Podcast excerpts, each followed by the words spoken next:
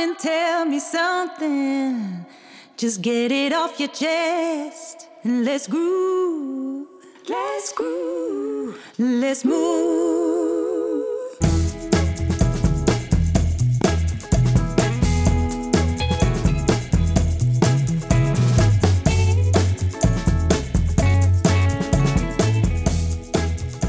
Hey, goed dat we er allemaal zijn. Wat ik ook die, eh, die groep gisteren verteld heb, is als je begint als standaards, en die, eh, die jongens gisteren waren natuurlijk allemaal, een, waren allemaal jonge ondernemers, die zijn natuurlijk allemaal niet met hun pensioen bezig. En dan begin je je pioniersfase. En dan heb je het best eh, moeilijk en dan is alles leuk en, dan, en spannend en je team doet hartstikke goed mee. En dan als je dan op een gegeven moment vijf, zes mensen bent, dan kom je toch alweer in een andere fase, omdat je het allemaal wat minder makkelijk over, overzien kan. En dan, zelf noem ik dat altijd een beetje de rollercoasterfase, terwijl het ook wel een beetje de professionaliseringsfase wordt genoemd. En dan ga je bijvoorbeeld van één naar drie stoel. En ik heb een van mijn podcast heb ik het erover dat ik op, op een gegeven moment van één naar vier stoelen ben gegaan. En dat, dat mijn hele leven eigenlijk helemaal veranderde. Omdat je, omdat je alle houvast kwijt bent. Nou, ook op een gegeven moment kom je door die fase heen. Dan ga je langzaam naar de delegeerfase. Hè? Dus dat je zelf steeds meer afstand neemt van de werkvloer. Of nog wel op de werkvloer werkt, maar dat je steeds meer gaat uh, delegeren. En dan krijg je natuurlijk op een gegeven moment het, uh, het uh, probleem dat je, dat, je, dat je dan de grote stap moet maken van als je 20 mensen hebt, van ga je nog een keer een stap maken. En dan krijg je steeds meer standaardisatie. En dan raak je, ben je meestal een jaar of 50, 55. En dan komt het probleem natuurlijk dat je toch al een beetje die, die, die ochtendstijfheid voelt. Uh, dat je denkt van, hé, hey, is dit nu alles? Uh, maar toch moet het bedrijf verder en verder groeien. En wat veel tandarts en zeker de eenpitters uh, de afgelopen tijd gedaan hebben... is dat ze eigenlijk dan niet meer investeren in een bedrijf. En dat je, dat je dan eigenlijk ook niet meer zo heel erg interessant bent natuurlijk voor andere mensen. Als je bedrijf in langzamerhand aan het afglijden is dan ben je op dat moment geen goede overnamekandidaat. En dan hoop je altijd maar dat je overgenomen wordt. En wat mijn punt een beetje is, is, eh, is dus waarom is dat een slechte motivator? Is het pensioen? Is uh, het pensioen mag eigenlijk niet het punt zijn dat je afscheid gaat nemen. Want je moet je bedrijf gewoon op en top laten draaien. En zodat dat bedrijf op en top draait, kan je je bedrijf op een goede manier verkopen. Dus je gaat in principe van de delegeren dus dat je gaat delegeren, moet je in principe direct naar de exitfase en dat je niet en dat je eigenlijk de rijpingsfase van je bedrijf overslaat. Dat wil ik zeggen. Daarna heb je natuurlijk heel veel andere dingen waardoor je door met beleggen en met eh, pensioen sparen en met je huizen natuurlijk op allerlei manieren ook goed voor je pensioen kan regelen. Maar ik wil het nu alleen over het bedrijf hebben. Dat is mijn visie pas op voor de exitfase. Hè? Verlang er niet naar. Nico. Ja, pensioen. Ik, uh, soms dan uh, denk ik, ik zoek, een, ik zoek naar een woordspeling. Ik denk, pensioen zie ik een verbinding tussen pens en oen. En, oh, dat, dat is wel een hele fijne, pens en oen. ja, en daartussen zit I van intelligentie. dus ehm, het zit mij wel een beetje. Ik, ik ben, uh, wordt door veel mensen wel gevraagd: je gaat toch nog niet stoppen, hè, Nico? En zo. Zelfs mensen die zelf met pensioen zijn gegaan, zeg maar, in de tijd dat ik ze al heel lang ken, 35 jaar als patiënt of zo, die gaan dan met pensioen. En die geven ook aan hoe heerlijk het is. En dan kijken ze mij aan en zeggen ze: Jij gaat toch nog niet met pensioen, toch? Hè? En dat is wel mooi, want ehm, ik vind inderdaad, als je het vanuit je bedrijf ziet, dat, dat er zijn verschillende manieren. Hè, dus ik ben zelf nu 64. En dat zou suggereren dat ik uh, bijna klaar ben. En dat vind ik wel bijzonder. Ik sprak laatst ook eens iemand. En die zei, weet je, je blijft heel erg gepassioneerd. En op een gegeven moment gaat die knop over. Dat je dat niet meer bent. Dat vind ik wel, dus, dus er zijn heel veel... Hè, dus ik zeg dus niet dat het zo is. Maar dat is wat iemand tegen mij zei die op dat moment 67 werd. En die zei, ja, dat had ik nooit verwacht. En ik kende hem als ongelooflijk gepassioneerd, miste tantekunde. Maar uh, toch zei hij, ja, ik krijg andere interesses, uh, kleinkinderen. Ehm, ja, er zijn nog meer dingen in het leven. Dus ik vind het dus, wat ik dus ook lastig vind, want als je het over je bedrijf hebt, uh, heb je het dus ook over uh, de horizon, zeg maar. En ik vind dus eigenlijk uh, vind ik dat ook een deel heel erg belangrijk om mee te spelen. Want in mijn gevoel, zoals ik dus mijzelf voel, heb ik nog een hele verre horizon. Dus ook dat vind ik dus heel erg storend als ik denk aan pensioen. Dus ik heb ook geen buikje, geen pens. En ik wil zeker geen oen zijn. Dus de, uh, ik heb dus het idee om uh, mijn bedrijf eigenlijk vooral extra te laten groeien. Met de kennis en de kundigheden die ik in al die jaren heb opgebouwd. Dus dat vind ik ook een heel gaaf stadium eigenlijk. Hè? Dus, en in die zin, toen er laatst eens een keer bij mij een hele goede kracht wegging. Uh, Danielle, die ging bij mij weg. Die zei, ja, ik ga bij je weg. En dan kom bij een ander jonge praktijk terecht. Er waren wat voordelen, dat zeker ook. Huilend vertelde ze mij dat ze wegging. En toen dacht ik, volgens mij heb ik deze onrust zelf veroorzaakt. Uh, omdat ik ook, als mensen zeggen, hoe lang ga je nog door? Dan zei ik, dan zei ik altijd, zolang als ik het nog leuk vind. En toen dacht ik later, dacht ik, potverdorie, ik maak mensen onzeker als ik dat doe.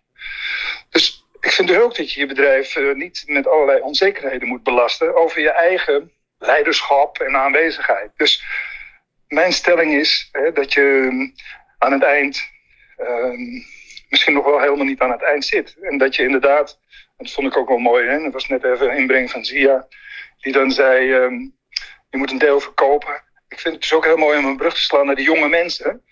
Ehm, om ze dus uit te nodigen omdat ze zich realiseren dat heel veel van dit soort oudere, trotse mensen, zoals ik, zitten te zoeken, te wachten of misschien te inspirerend, inspirerend bezig zijn om misschien wel een groepje jongeren uh, het, het roer te gunnen, zeg maar, maar ze ook nog te begeleiden. Dus eigenlijk is het een ontzettend mooie fase, vind ik. De, die oudere fase, de Nestor-fase van je bedrijfsvoering. Dat wil ik even neerzetten als, als um, energie. Goed. Als mensen in de zaal iets willen zeggen, kunnen ze, het, uh, kunnen ze dat handje wat middenin uh, staat uh, aanraken. En dan, ehm, dan, dan weten we dat ze iets willen zeggen. Ik heb zelf met Joris wel vaak overleg gehad over de mogelijkheden waar, hoe je je bedrijf zou kunnen verkopen. Joris, zou jij daar iets over kunnen zeggen? Wat je toen de tijd ook tegen mij gezegd hebt, welke mogelijkheden je hebt? Goedemorgen. Uh, goedemorgen, Joris. Kan je uh, als niet-tandarts, kan jij je voorstellen wat, jou, wat, jij, wat, jij, wat jouw binding met de tandheelkunde is? ja, ik heb ooit geïnvesteerd in een keten in de tandheelkunde. was samen met tandarts, inmiddels Dent Connect. Ik heb daarvoor geïnvesteerd voor de familie Venten en voor Vlissingen. En zo in aanraking gekomen met, hun, met de tandheelkunde. En ik heb eigenlijk een achtergrond in fusie en overnames en het rendabel krijgen en houden van uh, bedrijven uh, in het algemeen. En inmiddels in van praktijken in het uh, bijzonder. Dus ik heb meer een bedrijfseconomische achtergrond, maar meer dan gemiddelde kijk op uh, tandartspraktijk. Mm -hmm. um, nou, wat ik. Ik weet niet precies wat ik tegen je gezegd heb. Nou, het, maar, gaat, wat, het gaat erom eigenlijk als je als standaard wil overdragen of niet wil overdragen. Hè. Er zijn er drie mogelijkheden om eigenlijk, uh, als je uh, aan je pensioen zit te denken, er zijn er drie of vier mogelijkheden die je, die je tot je beschikking hebt ja. om uh, voor jezelf verder te kunnen. Ja, je kan, je kan zeggen van nou, ik ga niet verkopen. Want ik, ik denk dat je, wat ik het allerbelangrijkste vind is dat je moet proberen te onderscheiden je werk als tandarts en jezelf als eigenaar van een praktijk of van een onderneming. Dat hoeft niet één op één. Uh, het is niet uh, direct. Het is natuurlijk wel met elkaar verbonden. Maar je kan het ook langzamerhand los van elkaar gaan trekken. Hoe meer jij minder belangrijk wordt in de praktijk, hoe volwassener het bedrijf wordt. In, in wezen is een, is een heel groot bedrijf niet afhankelijk meer van zijn oprichter, want heeft andere mensen voor hem of, of haar werken. Uh, en zo kan je ook kijken naar een, uh, zo kan je ook kijken naar een danspraktijk. Voor een solopraktijk is dat lastig, want als de eigenaar ermee ophoudt, ja, wat blijft er dan nog over? Maar als de eigenaar steeds meer werk gaat delegeren, wat Ron in de inleiding zei, naar ander personeel, maar ook naar andere tandartsen. En hij niet meer de grote hoerganger is, misschien nog maar 10 of 15 procent van de omzet doet. Waarom zou je dan überhaupt moeten verkopen? Want een tandartspraktijk geeft aan zich een hele goede cashflow, zeker in je pensioen. Mhm. en, en, en de waarde die je krijgt, nou ja, die moet je nog maar verder op een andere manier ook maar weer zien te krijgen, jaarlijks.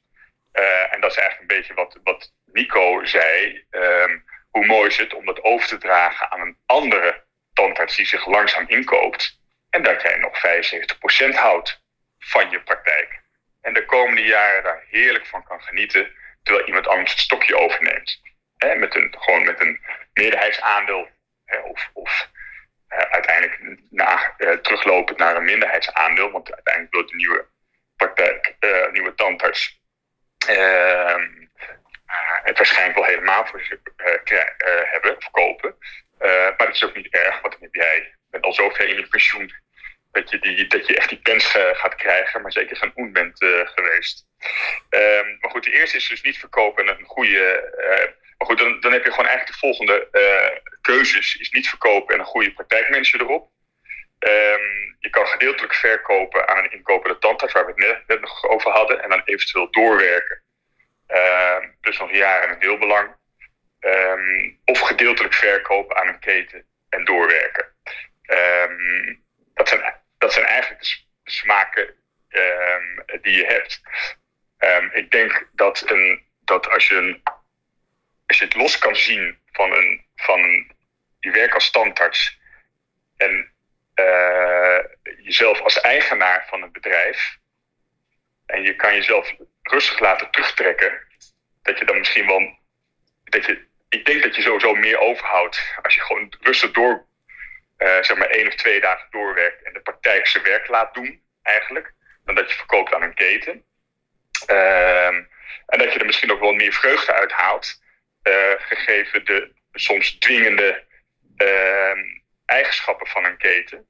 Uh, aan de ene kant en de vreugde en het plezier wat je kan krijgen door het over te dragen aan een jongere generatie. Iets wat Nico vertelde. Maar goed, het is aan, aan, de, aan de tandarts hoe die, daar, hoe die daarin zit. Oké. Okay. En uh, natuurlijk de, de, ook nog een hele belangrijke is natuurlijk de, de, de, de kleinere tandartspraktijk die niet verkocht kan worden aan een keten. Heb je daar nog een bepaalde gedachten over? Want de één of twee, drie kamers die zijn niet interessant voor een keten natuurlijk. Die zijn niet, omdat eens, hè, dat is precies om de reden wat, wat, wat, wat ik zei. De, de tandarts is gewoon te groot factor in het geheel. En als die ermee ophoudt, ja, dan stort de praktijk bij wijze van spreken in elkaar. Die moet ze zelf kunnen wegcijferen. Nou, dat kan hij niet in, in zo'n solo of zo'n 1, 2, 3 kamer uh, praktijk. Um, het, enige wat je kan doen is dat inschuiven in een, in een grotere praktijk. Of met elkaar een wat grotere groepspraktijk uh, te gaan beginnen. Uh, in een maatschap en dan langzaam door te groeien naar een BV. Om dan uiteindelijk tandartsen voor je te, gaan, te laten werken. En dan jij als mede-eigenaar in die BV te gaan zitten. Dat, dat zou je kunnen doen. Maar er moet wel een, een, een, een, een, grotere praktijk bij jou in de buurt zitten. En je moet het maar weer kunnen vinden met die, ja. uh, met die grotere praktijkhouder. Ja. Wat ook niet altijd even makkelijk is. Het is niet altijd even. Oké, okay, Joris, dankjewel. En Nico, had jij nog een vraag aan Joris? Nu kan het nog. Uh, ja. ja. want anders gaat hij de zaal in. Ja. ja. ja, hij gaat de zaal in. Weten jullie trouwens wat het, uh, wat, het, uh, wat het ijsje betekent, of dat feesthoedje? Dat ik verdiend heb? Weet je, dat, dat betekent dat je in de eerste week van Clubhuis bent. Na een week valt het weg. Ah, oké, okay. vandaar dat je weet, ik ben toch mijn maiden speech was hier op Clubhuis. Ja, ja. Ah. ja. nou, ik, uh, het is wel een, leuke interactie om even van Joris te horen. Hij heeft natuurlijk ook een mooie bijdrage geleverd om, aan praktijken om te zeggen, ja, wat is nou het voordeel van bijvoorbeeld ketenstructuur? Dat is misschien inkopen en dat kan ik ook voor jullie regelen. Dat vond ik ook mooi. Hè? Dus in die zin uh, is het mooi om een soort van uh, horizon te verdelen in verschillende mogelijkheden. Je zou bijna denken dat een kleine tandarts die het dan een beetje niet zo goed gedaan heeft, als je dat zo hoort. Dat vind ik wel interessant. De, feitelijk vind ik een kleine tandartspraktijk, als die bijvoorbeeld in een dubbele shift rijdt, is nog best een aardig tentje. Als je, als je dat... Hè, bijvoorbeeld Erik de Meijer zit in de zaal. Die heeft dan een ogenschijnlijk klein. Maar die heeft wel een... Uh, iets, ik geloof dat hij meerdere shifts heeft. Dan kan je nog een aardig... Ik, herinner me zelfs dat Nellestein ook heel lang...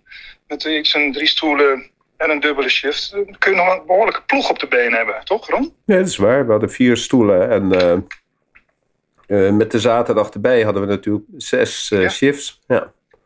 Zes, ja. nee, twaalf shifts. Ja, ja dus, en dan is er dus nog een behoorlijke kans op ingroeimodel en, en ouder worden.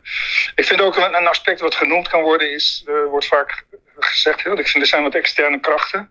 Bijvoorbeeld, ik vind een storend verschijnsel onder de praktijkovernames is de prijsbepaling, die door de, ook door de beroepsgroep um, ja, een beetje stompzinnig. Dat is dan de I van intelligentie, maar die zit veel te laag. Ja.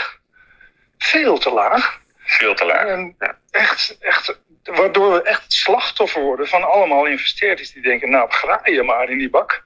Want die jongens hebben dat zelf niet door. Het is toch net alsof je, alsof je ergens in een land komt dat je denkt, nou, ze realiseren zich helemaal niet de waarde van waar ze mee bezig zijn. En dan kan het nog kopen ook. Dus ja, dus ik vind dat, dat is een deel van het, van het leed als je denkt aan. Uh, je zou kunnen zeggen dat een keten, ik heb wel eens gedacht aan een keten van katanpraktijken, omdat het allemaal zulke lieve mensen zijn en dat we samen het vuur hebben wat we dan kunnen versterken.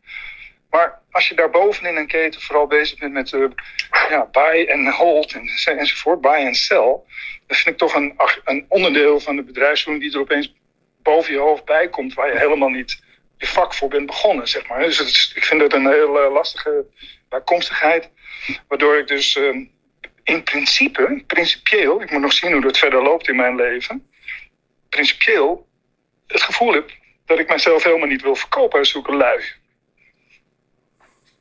Ja. Is dat gek, Joris? Ja, dat weet ik niet. Ik weet, ik weet niet hoe jij denkt, uh, Nico, of dat, of dat gek is. En iedereen is wat dat betreft uh, uniek in zijn gedachten, gelukkig maar. Um, um, maar kijk, het, het, het, um, kijk, wat ik aan het begin zei, dus als tandarts aan de ene kant en als eigenaar aan de andere kant, een tandartspraktijk is zo'n slechte investering nog niet. Want nee. waar krijg je een, een bedrijf met een, als het team eens op de, op de been blijft, met een constante cashflow, uh, kaststroom zoals het dan heet. Want die klanten die komen vanzelf wel terug, elk jaar weer. Sterker nog, je krijgt er elk jaar 2,5% bij van de NZA. God, je hebt natuurlijk altijd personele issues, maar dat heb je altijd. Uh, het is de beroepsgroep, het is de sector met het minste aantal faillissementen. Uh, dus zeker, uh, zeker nu ook in de corona, maar in het algemeen is het een, een, een tandartspraktijk, als je daar kijkt op de, op de, op de SBI-codes uh, bij de Kamer van Koophandel, het laagste aantal faillissementen. Logisch, want als het even wat minder gaat, gaat de tandarts gewoon even wat, gaat de tandarts wat harder werken om zijn bedrijf te redden. Um, dus die, de zekerheid van de kaststromen, die is zo belangrijk voor een investeerder. En daardoor kan hij eigenlijk een hoge multiple uh, gaan betalen. En inderdaad, um, maar een hoge multiple heeft wel te maken met een laag risico. En dat zie je dan ook, dat een kleine tandartspartij heeft een heel groot risico, omdat ze afhankelijk is van die tandarts-eigenaar die erin staat. Als die 50 of 60 procent van de omzet doet en die gaat weg, nou, dan weet ja. ik al, dan gaat de marge niet 15 procent, maar dan gaat de marge naar min 10 procent. Ja. ja. Omdat je zoveel vaste lasten hebt, het personeel, de huur, moet je wel allemaal betalen. Uh, en dan gaat wel de omzet uh, klapt er één keer in. Um, dus daarom zeg ik altijd, maak je in ieder geval eerst, hoe minder jij afhankelijk, hoe minder de praktijk afhankelijk is van jou, hoe interessanter het is voor een keten om over te nemen, maar ook hoe interessanter het is voor jou om het nog te houden en nog één of twee dagen daar te werken. Tenzij je graag met Mien uh, de gehaktballen wil draaien en achter de gerania wil zitten, dan wel een mooie reis van maken, dat kan ook. Maar dan kan je ook weer na een half jaar teruggaan en een paar dagen per week weer in de praktijk gaan werken. En dan moet het gewoon blijven draaien. Oké, okay, en dat blijven draaien. En dat blijven draaien kan je, kan je ook laten doen door een tandarts die het gunt of die daar klaar voor is. Die, ook, die zijn ook 35 of, of 40 en die zeggen, nou, we hebben weer een praktijk gestart. Die kunnen ook een deel nemen. En jouw praktijk, die kunnen een solopraktijk gaan starten. Met, met, met, met twee of drie kamers. Maar die kunnen ook in een grote groepspraktijk 25% inkopen. Hebben ze eigenlijk hetzelfde. Ja. Qua ja, omzet. Alleen het draait al. Uh, Joris, uh, dankjewel. Mooie inbreng. Uh, jij moet om negen uur weg, hè? Begreep ik? Ja, nou ja, ik heb het iets verlaat, maar Oké. Okay. er wel zo uit. Ja. Prima. Ik zet je in de zaal en dan, oh, dan kan je eruit wanneer je, dan kan je eruit wanneer je wil. Goed? Zijn er nog wapperende handjes? Er zijn heel weinig handjes. Alleen Daniel heeft er twee in de lucht. Ja, zie ik. Zie ik. uh, uh, zie je, uh, ik geef jou het woord over de Tony Robbins 49%. Altijd goed, Tony. Ja, want voorheen, toen je in het begin zei, toen was nog niet iedereen in de zaal. Dus nee. Dus Zia, ehm, kan jij je voorstellen aan de anderen? En, uh, ik, ik, ja, voorstellen lukt me wel, ja. Oké, okay, en dan uh, is het, kan je weer naar de zaal, hè? ja, nee, dat snap ik. Nee, kijk, uh, spreken het openbaar is oké okay, op het moment dat je verstand hebt van een onderwerp en het onbewust bekwaam kan overbrengen. Maar dit onderwerp waar het nu over gaat, dat ben ik niet onbewust bekwaam in, in spreken. ik heb inderdaad de Business Mastery gedaan. Uh, in 2017 van Tony Robbins. Misschien wellicht bekend. Zeker, zeker. Bij de mensen in de zaal. Ik denk bij iedereen bekend. En oké, okay, nou ja, goed, dat is natuurlijk een, een motivational speaker die live op het podium ehm, ja, mensen in een kracht zet. ik denk ook ehm, ja, de, de, als je goed voor jezelf zorgt, kun je goed voor je bedrijf zorgen, goed voor je personeel en zo, goed voor de patiënten. En dat is een win-win. Um, de Business Mastery gaat ook over persoonlijke ontwikkeling. Uh, juist uh, het stukje uh, persoonlijke groei als, nou, noem het maar, een authentieke leider.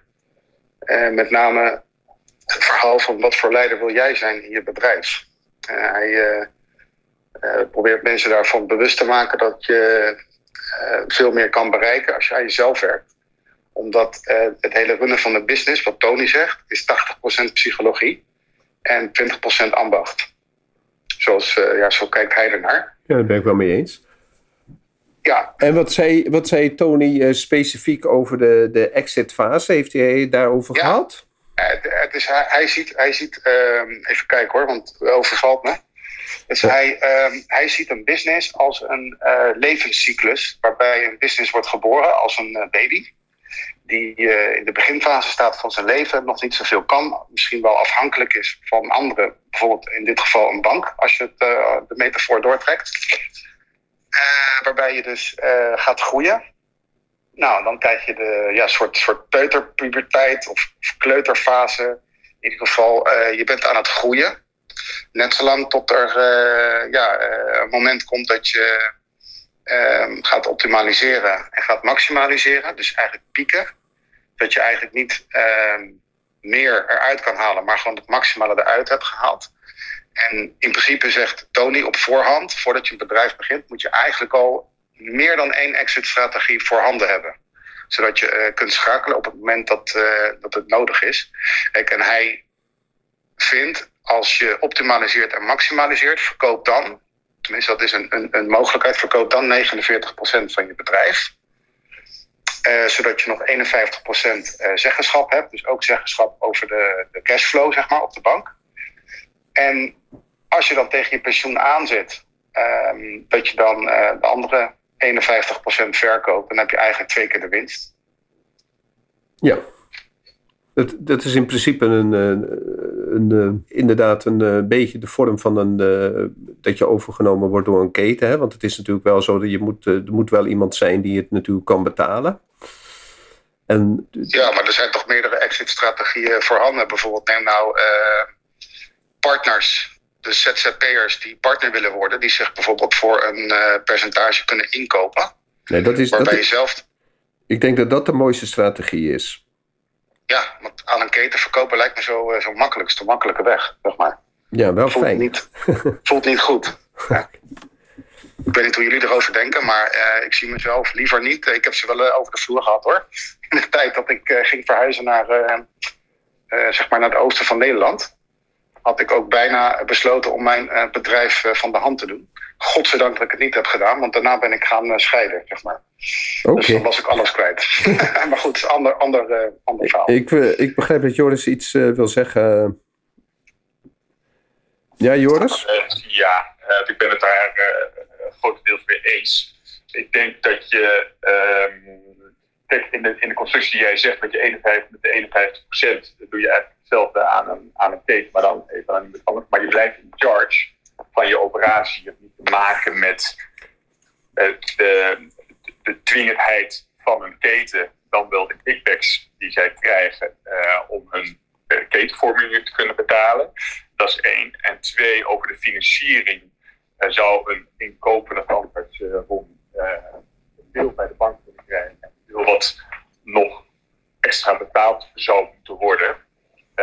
zou je altijd een vendorloon, zoals het heet, kunnen doen. Namelijk de verkopende tandarts heeft een stukje van het inkoopbedrag eh leent die uit aan de inkopende tandarts.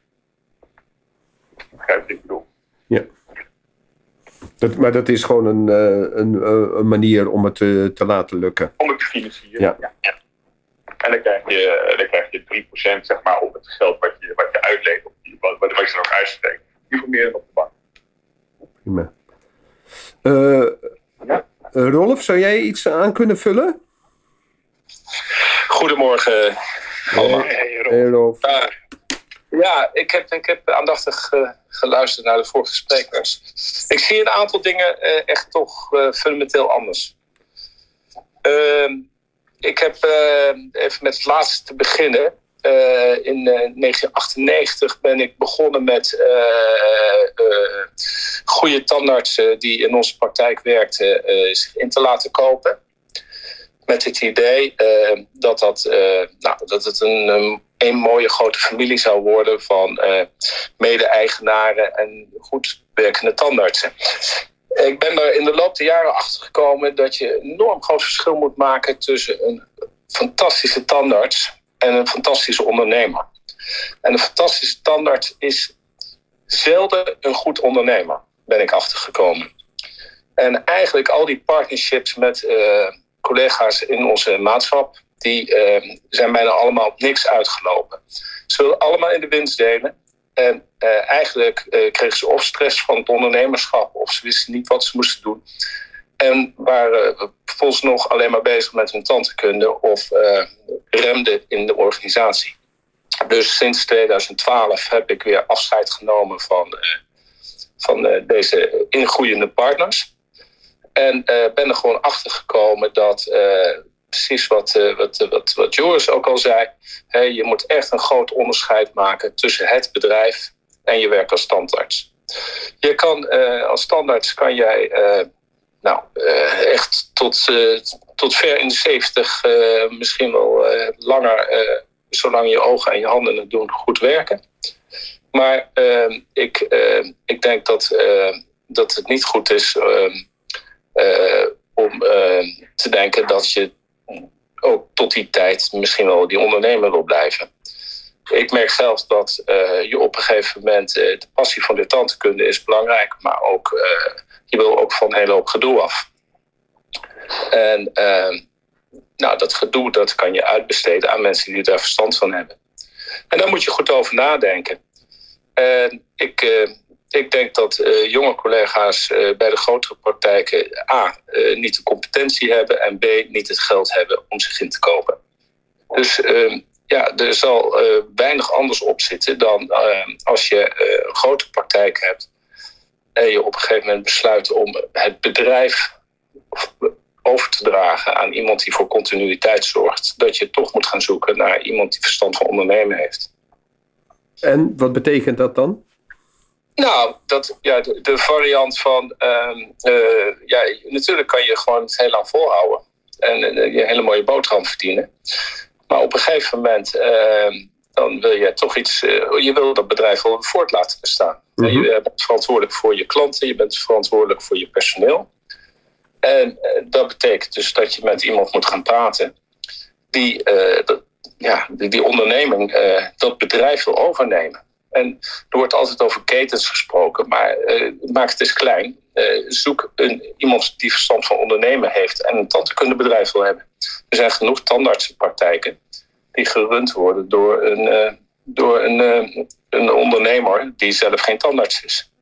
Het hoeft niet gelijk een keten te zijn van private equity partijen en aandeelhouders die in het buitenland wonen. Maar zoek wel iemand die uh, verstand heeft om een bedrijf gezond te laten zijn. En we hebben bij de afgelopen, het afgelopen jaar bij het, het hele corona shit hebben we meegemaakt. Hoeveel collega's hebben gewoon niet de rekensom goed kunnen maken voor NOW of continuïteitsbijdragen en zitten nu echt weer in de shit. En ik ben wat dat betreft toch een beetje moedeloos geworden na tientallen jaren dat, dat je een tandarts dat allemaal kan leren. Uh, er zijn mensen met een bedrijfseconomische achtergrond zoals Joris die dat echt gewoon hartstikke goed begrijpen. Hoe dat precies werkt. En uiteindelijk willen wij, uiteindelijk willen wij allemaal uh, goed zorgen voor onze patiënten. Dat is onze core business. Ja, dus jij uh, vindt eigenlijk van uh, je moet voor de continuïteit zorgen. Je, je bent een beetje bang of je hebt ondervonden dat uh, jonge collega's uh, moeite hebben om, om een tandarts in het businessmodel, businessmodel goed te laten draaien. Omdat ze eigenlijk meer de, de, de vakmensen zijn die aan de stoel willen zitten en eigenlijk niet een business willen laten draaien. En ik merk ook een bepaalde moedeloosheid in, jou, in jouw woorden. Dat je denkt van, dit gaat het niet meer worden. Dat, uh, dat, uh, dat inkopen van de jonge tandartsen. Dus uh, hoorde ik toch een moedeloosheid, toch? Nou, moedelo moedeloosheid is levensles. Ja. Levensles, oké. Okay. Ja, ja. Dat, is echt, dat klinkt erg negatief, maar mijn ervaring is gewoon simpelweg dat hele goede collega's en hele enthousiaste tandartsen fijne mensen om mee te werken, maar dat dat geen goede ondernemers zijn. En voor het ondernemerschap heb je echt, eh, moet je heel veel. Ja, het is een vak apart. Het is echt een vak apart. Dat, wordt, uh, dat hebben Nico en ik in de masterclass ervaren. Uh, dat er maar enkele waren die echt hun bedrijf waanzinnig mooi op orde kregen. En dat het bij een groot aantal gewoon echt niet lukte. En dat, dat we eraan bleven trekken en duwen en voordoen en helpen. En dat het gewoon niet lukt. je moet als ondernemer moet je iets met finance hebben. Je moet uh, met, met uh, juridische zaken wat hebben. Je moet met personeel wat hebben. Je moet met, met, met armoediensten om kunnen gaan. En noem al dat gedoe maar op. Wat, wat de meeste tandartsen vervelend gedoe vinden. En ja, dat hoort wel bij het ondernemerschap. het hoort ook, je, je moet praten met banken. Je moet het over financieringen hebben. Uh, je hebt gedoe met, met gemeentes die vergunningen geven of niet vergunningen willen geven. Noem het maar op. Oké, okay, dankjewel. Rolf maakt dus een hele duidelijke stelling dat, dat het ondernemen een steeds groter onderdeel wordt van je, van je beroep. En uh, dat het eigenlijk ook wel uiteindelijk toch wel boven de pet gaat van heel veel mensen die daar niet hun specialisatie van maken of hun passie. En dus ik snap ook wel dat je dat naast je vak als standaard is het best een grote vraag om daar als ondernemer zo in te zitten. En ik zie ook wel, hè, Rolf heeft natuurlijk niet de kleinste kliniek, klinieken, zeg maar.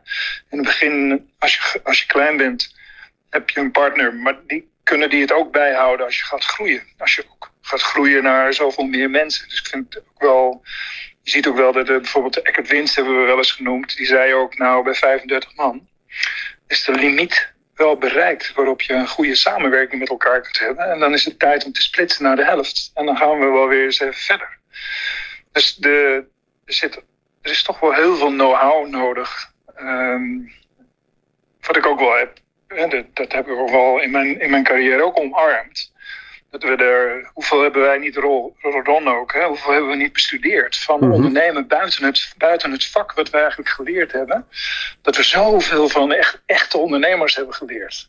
Uh, eigenlijk, dat staat helemaal niet in de boeken van een uh, opleiding uh, van een tandarts of zo. Dus ik geloof wel dat het naïef is om zomaar te denken dat dat je met mensen samenwerkt en dat het dan ook mede-ondernemers wordt. Ik, ik, moet zeggen dat ik zelf het meest neig naar zo'n klein mogelijk uh, clubje eigenaars zijn. Dus dat merk ik ook. Hè. Dus de lijnen mogen bij mij dus korter en korter worden. Hoe ouder ik word, denk ik, nou, vind je niet erg. Als er iemand weggaat of zo. Ook goed. Je was geïnteresseerd om uh, Erik even te horen, omdat hij Ja. nog zo Erik kan altijd een mooie actieve bijdrage leveren. Erik, welkom. Goedemorgen allemaal. Nou, ik ben, eh, eh, om tien voor negen geloof ik ingeschakeld. Dus ik heb niet alles kunnen horen. Ik vond het wel heel interessant dat Joris vertelde. En, eh, en ook wat... kijk, Zia was het volgens mij en Rolf. ja, ik vind het heel fijn om die bijdrage allemaal te horen. En ik heb... Ja, met mijn praktijk heb ik ontzettend veel plezier en... en en winst eh, gerealiseerd door de Catan-cursus. Ik ben daar erg blij mee. Ik was eigenlijk gewoon een hele harde werker die eh, ontzettend mooi werk maakt. Maar eh, ja, de winst die nam niet echt heel hard toe. Maar ik ben wel heel erg blij met wat ik geleerd heb. Maar de, de exit-strategie, daar heb ik toen de tijd echt helemaal niet over nagedacht. Wel dat ik met de ontwikkeling van mijn praktijk nog steeds wil groeien naar een ja, vier- of vijf kamerpraktijk. Maar dat is eh, nog steeds niet van de grond gekomen, omdat ik eigenlijk wel in de- hetzelfde werkgebied wil blijven. Dus mijn vraag is van ja, tot welke leeftijd kan ik dat wel in, eh, in blijven zetten? Misschien kunnen jullie daar eh, wat over zeggen, want het mooiste lijkt mij toch om die jo- jonge tandartsen die dus bij mij nu werken, om die dus wel, wel te betrekken in het geheel. Maar ik wil ah, echt al de beslissingen gewoon zelf nemen. Omdat ik wel weet wat ik wil. Eh, maar niet weet wat zij eh, eh, daarin voor hinderpaal kunnen zijn. Nou, ik kan, ik kan eh, als ik ooit een praktijk zou beginnen, dan zou ik het altijd in mijn Ja. eentje doen. Ik, ik vind de, de lek aan vergaderingen met collega's wel heel erg groot. Om hun te overtuigen van hoe zij verder op, kunnen, op kunnen marcheren de toekomst in. En niet iedereen, en dat heeft natuurlijk ook eh, Rolf net eh, uitgebreid gezegd en Nico, niet iedereen heeft die ambitie. En eh, Ja. ik zou zeker erg oppassen om andere mensen, zeker op het, nu het moment dat jij eigenlijk die praktijk vormgegeven heeft en in jouw praktijk is, ik zou hen geen enkele, ik zou hen geen percentage geven. Nu is het wel zo dat Leon Verhagen uit, uit, uit Lichtenvoorde, die had, wel een, die had ook wel een hele mooie manier om zijn, eh, om zijn eh, collega's, jonge collega's te laten ingroeien. Maar dan zou ik hem een keer moeten vragen hoe, eh, hoe hij dat precies gedaan heeft. Maar ik, ik zou erg oppassen om, eh, om andere mensen zeggenschap te geven. Al is het maar voor een paar procent in jouw praktijk. Ja, precies. Ik, nou, die, die indruk heb ik ook, maar die, dat zeggen zij ze- zelf ook tegen mij. Ze zeggen van, Erik, jij doet dat zo goed, je, je voelt dat goed aan. Eh vormgeef die eh, praktijk zoals jij dat, eh, dat graag wilt. Wij werken heel graag bij jou en zo eh, zoals het nu gaat, eh, denk ik dat dat ook wel zo zal blijven. Maar ja, je weet het natuurlijk nooit zeker. En ik denk dan eh, is het slimmer om gewoon geen afstand te doen van een deel van die praktijk voordat ik het echt op poten heb staan, zoals ik het wil. Ja. Want dan, dan krijg je natuurlijk ook met, eh, met eh, andere dingen te maken van... eh, heb je het, er zit een groot verschil of je vier of zes kamers hebt. En Nico zei het ook al. hoe minder de praktijk, of, of Joris zei het ook, en hoe minder de praktijk van jou afhankelijk is, hoe des te beter het is. En hoe beter ook de EBITDA is en hoe, hoe, hoe beter je de praktijk ook kunt verkopen. En, en ja, dat, dat, dat zou prima zijn. Maar je moet hem inderdaad eh, eerst op poten hebben. Ja, daar heb je helemaal gelijk in. Ja, nou, dat lijkt mij ook het, eh, het, het fijnste. Ik, ik ben daar, eh, ja, eigenlijk heb ik de hele vormgeving en alles. De praktijk staat al in mijn hoofd helemaal op poten. En ik heb ook het ontwerp al een keer gehad. Dat is helaas afgekeurd door, doordat ze, of afge, afgeblazen, omdat de grond uiteindelijk niet aan mij gegund werd. Grond ligt nog steeds braak, maar goed, uiteindelijk wilde hij het niet verkopen aan mij. En dat, eh, dat heeft eh, twee jaar gekost. En nu ben ik weer opnieuw eh, in onderhandeling met een locatie. Maar ik wil nu echt eerst de grond hebben voordat ik de rest ga vormgeven. Oké. Maar goed, ik word 58 dit jaar. En het is echt, ik wil, ben heel enthousiast over mijn vak en ik vind het ontzettend leuk. Dus ik denk dat ik gewoon wel gewoon een tandarts ben die uh, zo lang mogelijk doorwerkt. Uh, maar niet omdat ik zoveel geld wil verdienen, maar omdat ik het zo ontzettend leuk vind. En dat is volgens mij, uh, ja, dat is die passie die in je zit. maar ik zou het me ook voor kunnen stellen dat ik de boel verkoop op dit moment en gewoon bij een andere tandarts aan de gang ga. Maar ik ben bang dat ik me dan ja, niet gelukkiger van word, omdat ik daar, ja, dan ben je afhankelijk van wat er in een andere praktijk gebeurt. Ik weet niet hoe jullie daar tegenaan kijken. Wat ik uh, wil, volgens mij heeft Joris uh, een opmerking over hetgene wat jij zegt. En dan wil ik daarna uh, Henk de Jong, die, die bij Dent Connect werkt, die zal ik daarna het woord geven om wat voor hun belangrijk is als je een praktijk als die voor jou zouden overnemen. Goed? Dus dan, okay, ja. dan hebben we van twee kanten. Zet, zet, mij maar heel even in het, in het publiek, want ik moet even wat spullen wegbrengen. Oh, nou, dat is mooi. Joris. Er komt Joris aan. Um, ik denk dat je, en, en, ik wou even terugkomen op wat Erik zei uh, over een belang geven. Dan heb je ook meteen weer zeggenschap en mensen die er van alles van vinden. Um, maar je kan ook het splitsen van een economisch eigendom en juridisch eigendom. He, dus door, uh, door een structuur aan te brengen waarbij jij 100% van de zeggenschap hebt, en de ander puur op economische gronden meedoet. Ook dat is gewoon op die manier in te richten. Als dat een, een, een oplossing mocht zijn voor, uh, voor Erik. Oké. Okay. Erik krijgt ervan. Dat wil ik alleen even zeggen. Oké, okay, hartstikke goed. Dan ga ik weer lekker in de zaal. Fijn. Ja, dan moet er ook door. Oké, okay. bye bye. Henk. Henk. Mijn naam is uh, Henk de Jong en dat ken ik natuurlijk ook. En uh, ik doe nu met name eh, meer en meer de overnames van Dent Connect in Nederland. Als, uh, dat heet dan uh, met een mooi woord M&A-adviseur. En ik doe nog een stuk management van praktijken. Nou ja, dat, hè, daar probeer je natuurlijk zoveel mogelijk met je tengels vanaf te blijven. even, even op het Kijk, ik, kan, ik zal even top-down beginnen. wat wil een keten in het algemeen, en dat heeft niet, zo, niet alleen met Dent Connect, maar ook andere, die willen die bieden op een praktijk op de zogenaamde EBITDA, hè, dat is de cashflow genormaliseerd. En die willen natuurlijk dat, dat wat ze kopen, dat dat zo blijft. Dat daar rust en stabiliteit is in de praktijk. Nou, dat bereik je door, doordat de, de verkopende eigenaar nog een aantal, minimaal aantal jaren aanwezig blijft want die heeft die praktijk gebouwd, heeft die praktijk gevormd. Is vaak ook nog wel voor een belangrijk deel van voor de omzet verantwoordelijk. Dus een kopende partij, als het een keten is, die wil zoveel mogelijk continuïteit. Nou, en bovendien, als je iets moet doen aan successieplanning, de eigenaar die gaat langzaam minder werken, omdat de leeftijd daar nou eenmaal toe uh, uitnodigt of wil andere dingen doen.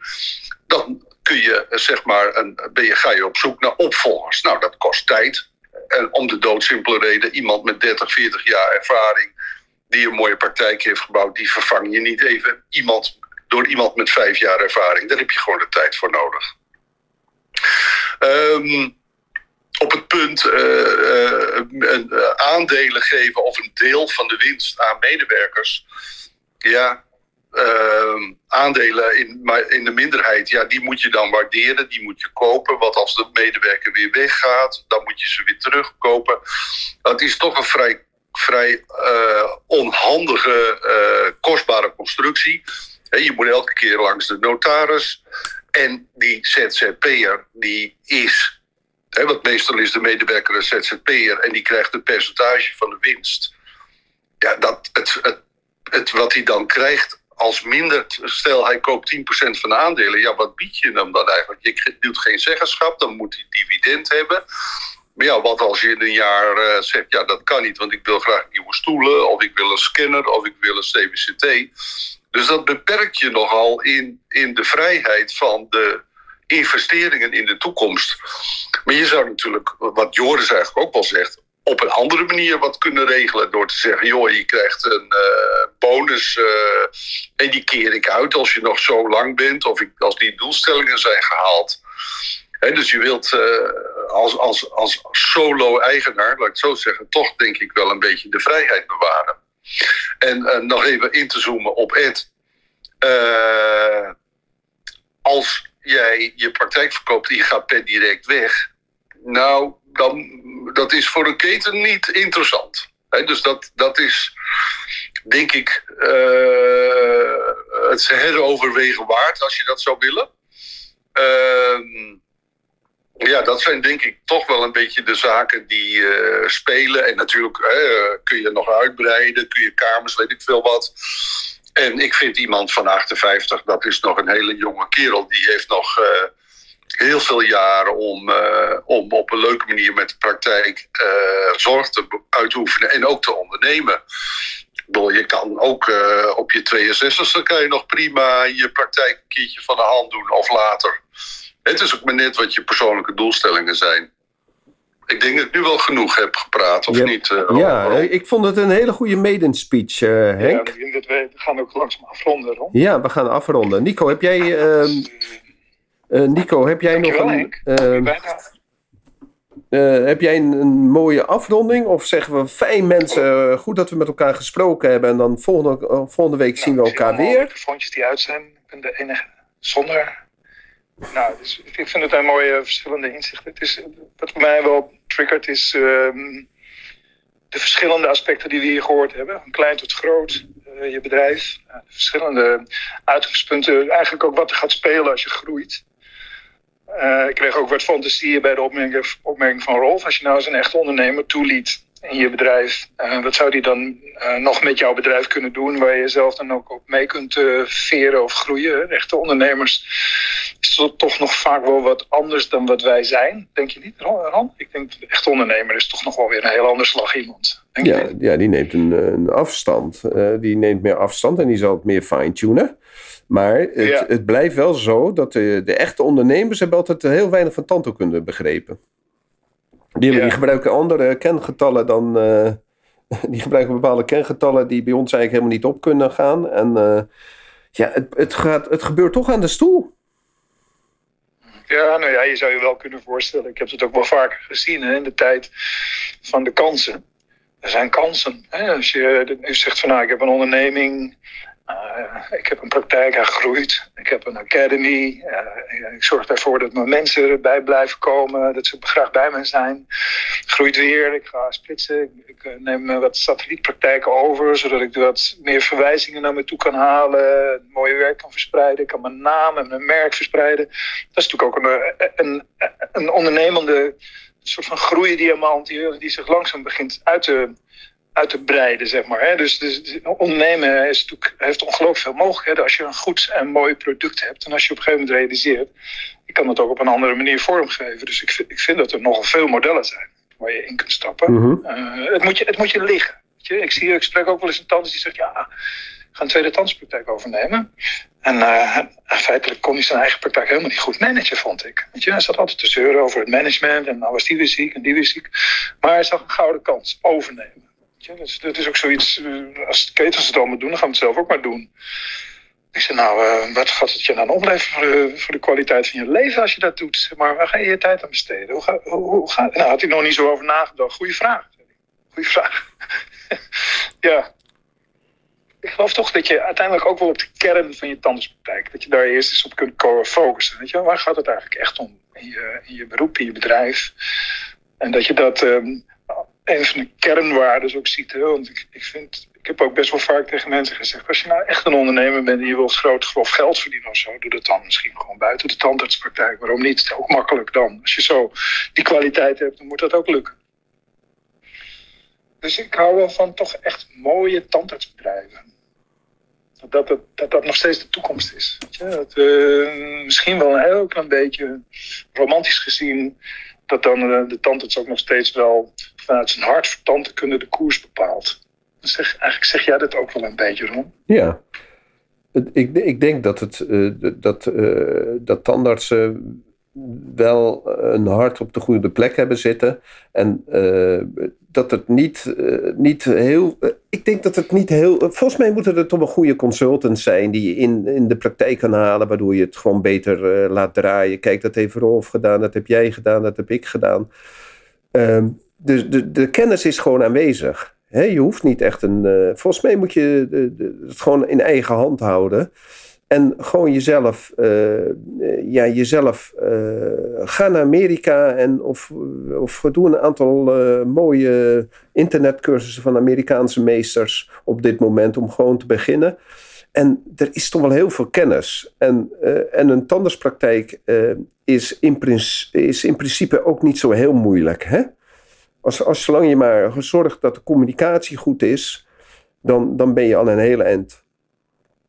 En ik, denk... ik kan me wel voorstellen, Ron, dat je, je benadrukt nu steeds dat vanuit die tandarts. Hè, ik, bijvoorbeeld, eh, zoals Rolf het ziet, hè, je kunt natuurlijk toch wel, als je echt groot bent en je kunt bijvoorbeeld een deel cash of zo, dan kun je met dat geld weer ondernemen.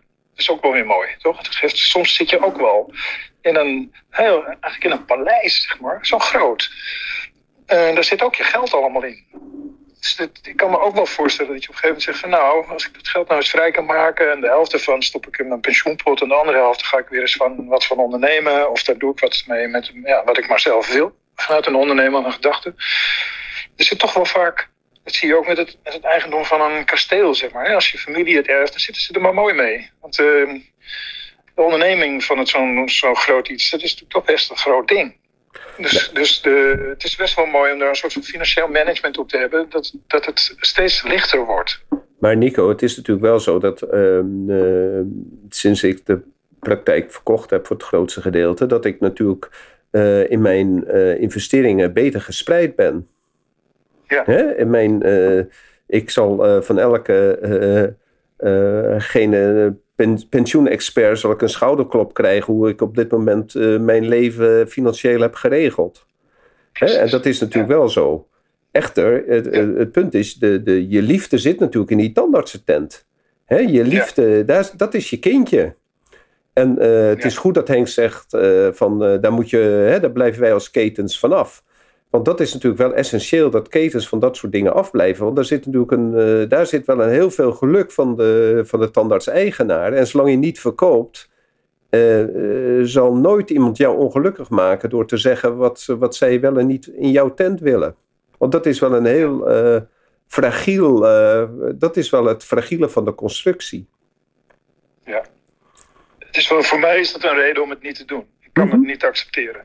Ik kan niet accepteren dat iemand anders dingen gaat bepalen. Dus het ligt niet helemaal in mijn karakter. Mm -hmm. Daar uh, makkelijk mee om te gaan. Hè? En dan denk ik, nou oké, okay, hoe is het dan daarnaast? Heb ik verder naar geld nodig? Uh, uh, nou, als je het goed met geld om kunt gaan, dan zul je dat altijd wel kunnen doen. Dus dat, ik moet wel toegeven dat ik, dat ik het eigenlijk zo ongewis vind. Als iemand uh, zoveel zeggenschap zou hebben. In een tentje waarin ik zelf lekker gewoon, weet je, ik voel, voelt, voelt lekker om de baas te zijn. Dat is waar. En, en ik, veel mensen, die spreek ik wel, die zeggen, dan ben je van die zorg af. Dan denk ik, ja, nou ja, dat is natuurlijk net de reden waarom ik... Uh, ik ben eigenlijk ook altijd een extern management geweest met, het, met de Rolf samen. Dat je een tijd lang uh, voor iemand gewoon even het management eruit zet. En dat je uh, nieuwe, nieuwe lijnen, acties, stappen, plannen. Jongen, wat hebben we veel geschaafd aan al die bedrijven. Het is natuurlijk ook gaaf om dat, om dat goed te doen en goed te regelen. Maar ik ben wel van mening dat zeg maar, als je een goed talent in huis haalt, bijvoorbeeld je tent rent, is toch wel weer mooi. In bedrijven zie je dat ook. Als iemand het management doet, dan is hij gewoon een vijf jaar, die is zijn kracht kwijt. Tijd om te gaan.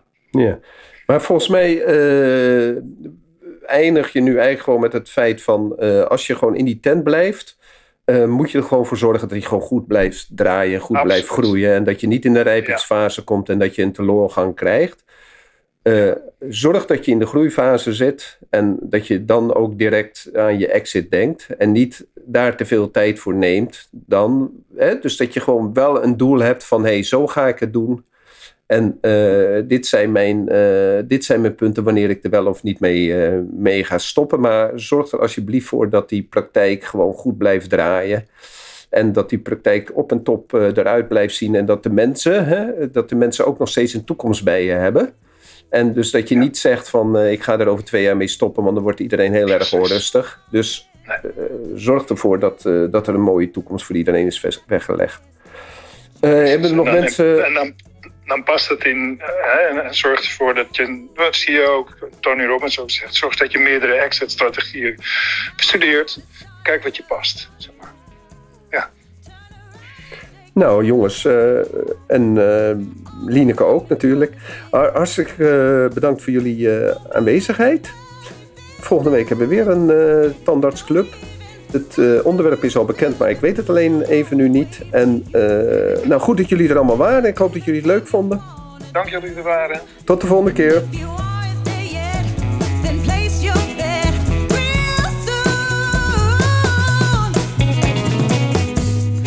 Super dat je weer luistert naar een aflevering van de Tandartsvrijheid en Meesterschap podcast. Ik zou het zeer op prijs stellen als je een review achter zou laten. Je kunt je ook abonneren op deze podcast. Klik dan in de podcast-app op de button subscribe en je ontvangt automatisch een berichtje bij een nieuwe aflevering. Ken je iemand die deze podcast ook leuk zou vinden? Deel deze dan. Via Spotify kan je dat heel simpel door op de drie puntjes te klikken en te delen. Je kan mij ook bereiken via mijn LinkedIn-account. Ik ben te vinden onder mijn naam Rom Steenkis. Nogmaals, dankjewel en tot de volgende keer.